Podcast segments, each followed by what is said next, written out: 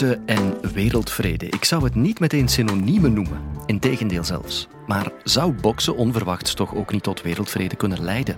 Ik luister geboeid naar Mark Theeboom voor hij mij een oplawaai verkoopt. Dit is de Universiteit van Vlaanderen.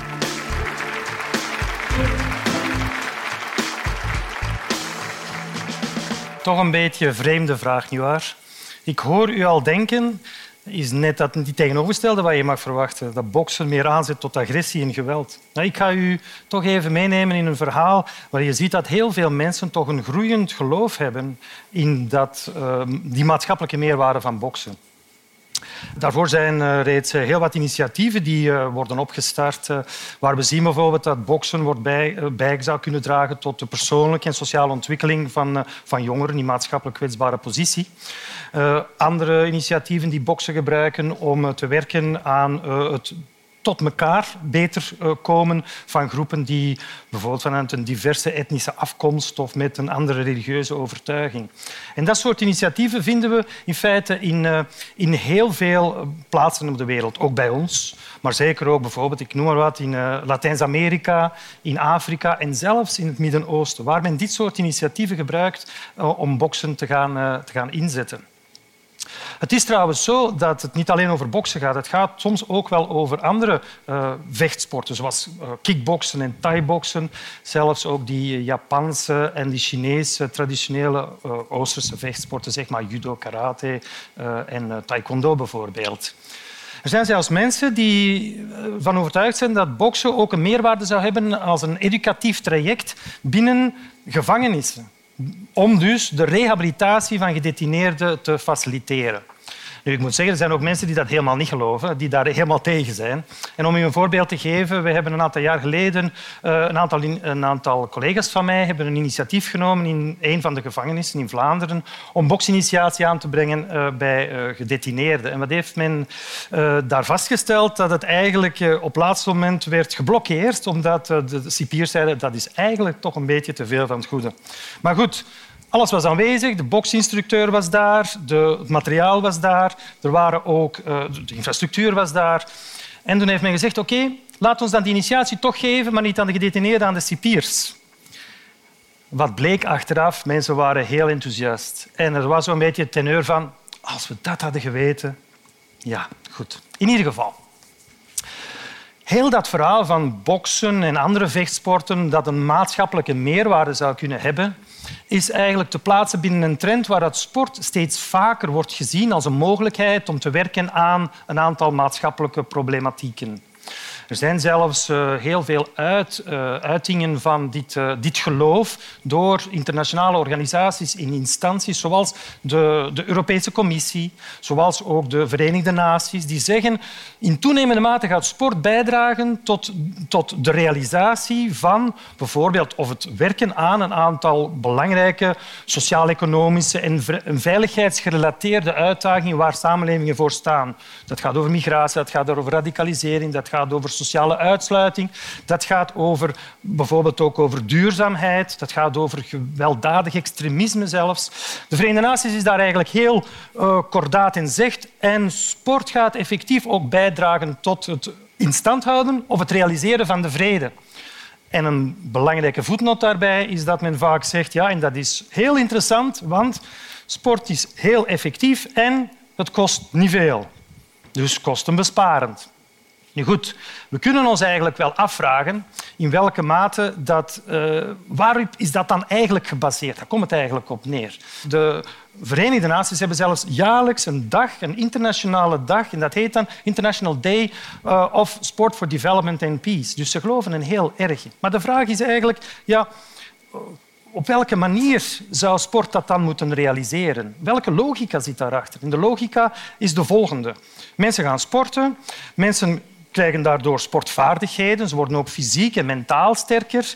Door die sportervaringen krijgen ze ook de mogelijkheid om te gaan, uh, zich te ontwikkelen op het persoonlijke en sociale vlak. Doordat ze zich persoonlijk en sociaal gaan ontwikkelen, biedt dat ook weer perspectieven. Legt men meer sociale contacten. Door meer sociale contacten gaan mensen zich beter uh, tot elkaar verhouden en komt daar een sociale cohesie uit voort. Sociale cohesie geeft dan aanleiding tot meer verdraagzaamheid. Enfin, een betere en, en ik zou zeggen een vreedzame wereld, met andere woorden vrede. Dat is eigenlijk de logica.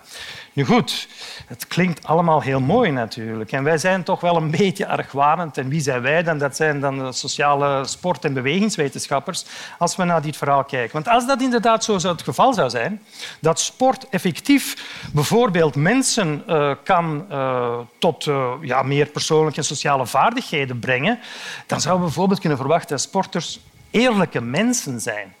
En zich dus houden aan regels en dus niet vals gaan spelen. Als dat het geval is, waarom hebben we dan scheidsrechters? Die moeten toekijken op of mensen zich wel houden aan de regels. Ja? Als dat het geval is, waarom hebben we dan te maken vaak met doping, met matchfixing, met eigenlijk het, eh, het, het fenomeen van omkopen? En als sport zo ook zou kunnen bijdragen tot de sociale cohesie, dus tot het eigenlijk meer zeg maar, het, uh, tolerant zijn voor elkaar, waarom zien we dan toch vaak ook nog racisme? op het veld, naast het veld. Waarom hebben ze dan toch ook nog altijd een probleem binnen de sportsector van homofobie? Dus eigenlijk zitten we daar met een aantal problemen en wij als wetenschappers vinden het dan toch belangrijk om deze, ik zou zeggen, deze veronderstellingen te gaan testen. Met andere woorden, te gaan meten. Kunnen we dat effectief meten? En dan is de vraag, hoe moet je dat gaan meten? Ja, moeten we dan sporters vergelijken met niet-sporters? Trouwens, er was vorig jaar een, onderzoek in Nederland gepubliceerd die zei dat sporters gelukkiger zijn dan niet-sporters. Ja? De vraag is natuurlijk alleen in welke mate heeft, dat, heeft sport daar een invloed op gehad? Want je zou kunnen verwachten dat er ook andere invloedende factoren zijn op het geluk van mensen. Uh, zich kunnen uh, verhouden in een uh, warme omgeving, dat mensen voor je zorgen, dat je kunt omgaan met tegenslagen, weet hoe je daar moet, moet mee aan de slag gaan, dat je gezonder bent. Dus het is niet omdat twee dingen gelijktijdig voorkomen dat je mag verwachten dat het een zelfs iets met het andere te maken heeft. En ik wil daar nog een even oude vraag aan toevoegen. Ik ga ze trouwens niet beantwoorden. Wat kwam er eerst, de kip of het ei?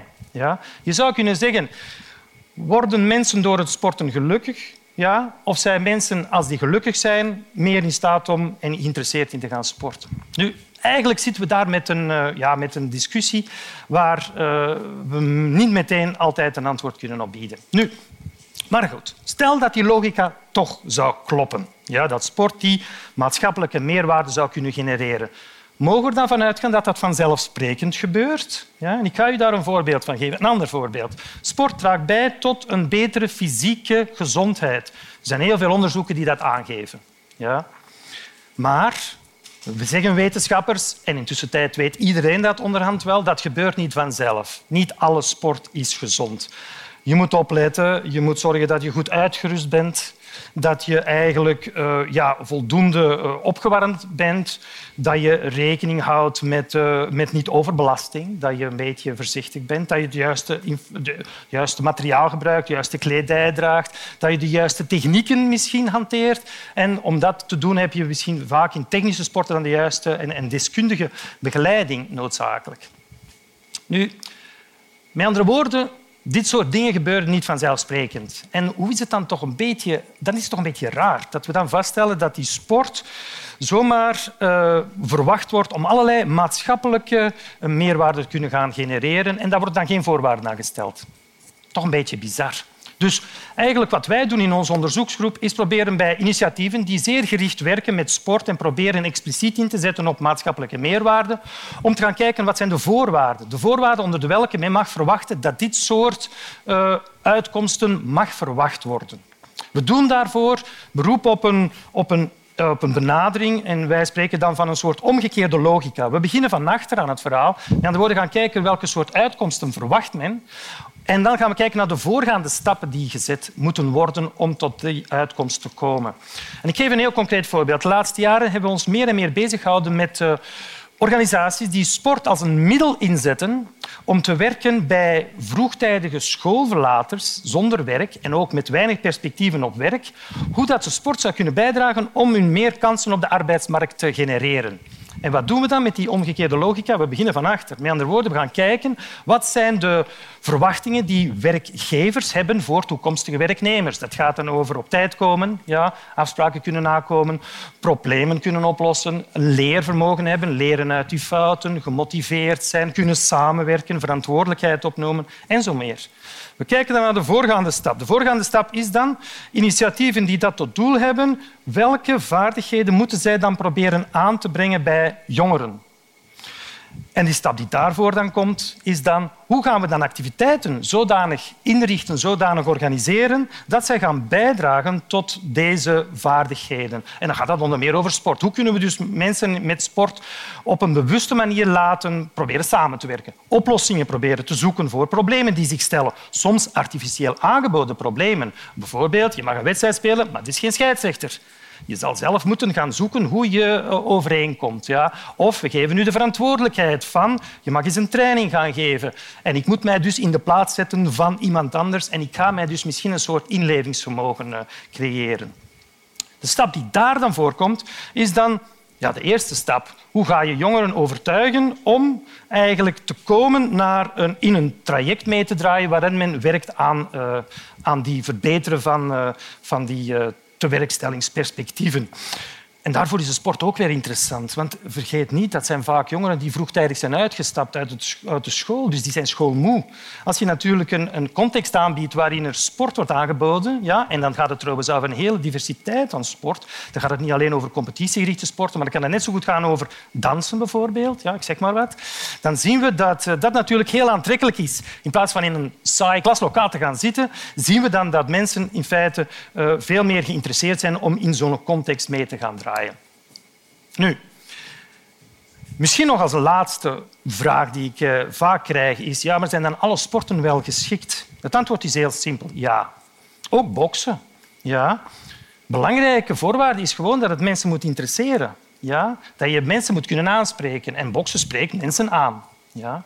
Vandaar dat we eigenlijk ook dan natuurlijk daar meteen aan gaan koppelen van ja, de voorwaarden zijn dan wel nodig. De manier hoe dat je die sport gaat organiseren, gaat aanbieden. Je zal daar bijvoorbeeld moeten inbouwen dat er succeservaringen kunnen zijn. Mensen die succes ervaren voelen zich goed en gaan doorzetten. Ja?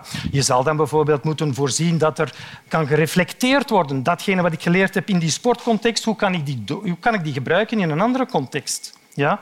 En daarnaast is het natuurlijk belangrijk om dit te realiseren doordat er een goede relatie is met die sportcoach. Doordat in feite een vertrouwensrelatie bestaat, ook een, een, een ik zou zeggen een, een, een relatie waar er ook wederzijds respect is. En boksen. Boksen is een zeer interessante context natuurlijk, want je hebt met een zeer directe, zeer intense confrontatie te maken met een tegenstrever. Je moet jezelf controleren. Ja, je zal aan de andere kant ook respect moeten hebben voor die tegenstrever. Want als jij dat niet hebt voor je tegenstrever, zal die tegenstrever dat ook niet hebben voor jou. Belangrijk. Je zal misschien moeten anticiperen. Je zal tactisch moeten nadenken. Je zal misschien je angsten moeten overwinnen. Ja? Je zal moeten leren uit fouten en daarin verbeteren. En eigenlijk kom ik dus terug tot de vraag. Kan boksen bijdragen tot de wereldvrede?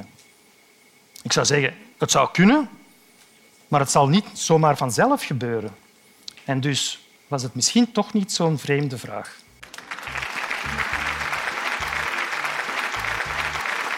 Oef, je hoeft dus niet per se op iemands neus te slaan om bij te dragen tot een mooiere wereld. Vraag je je trouwens soms ook af hoe onze professoren eruit zien? Gelukkig kun je de colleges ook bekijken op universiteitvanvlaanderen.be of op ons YouTube-kanaal.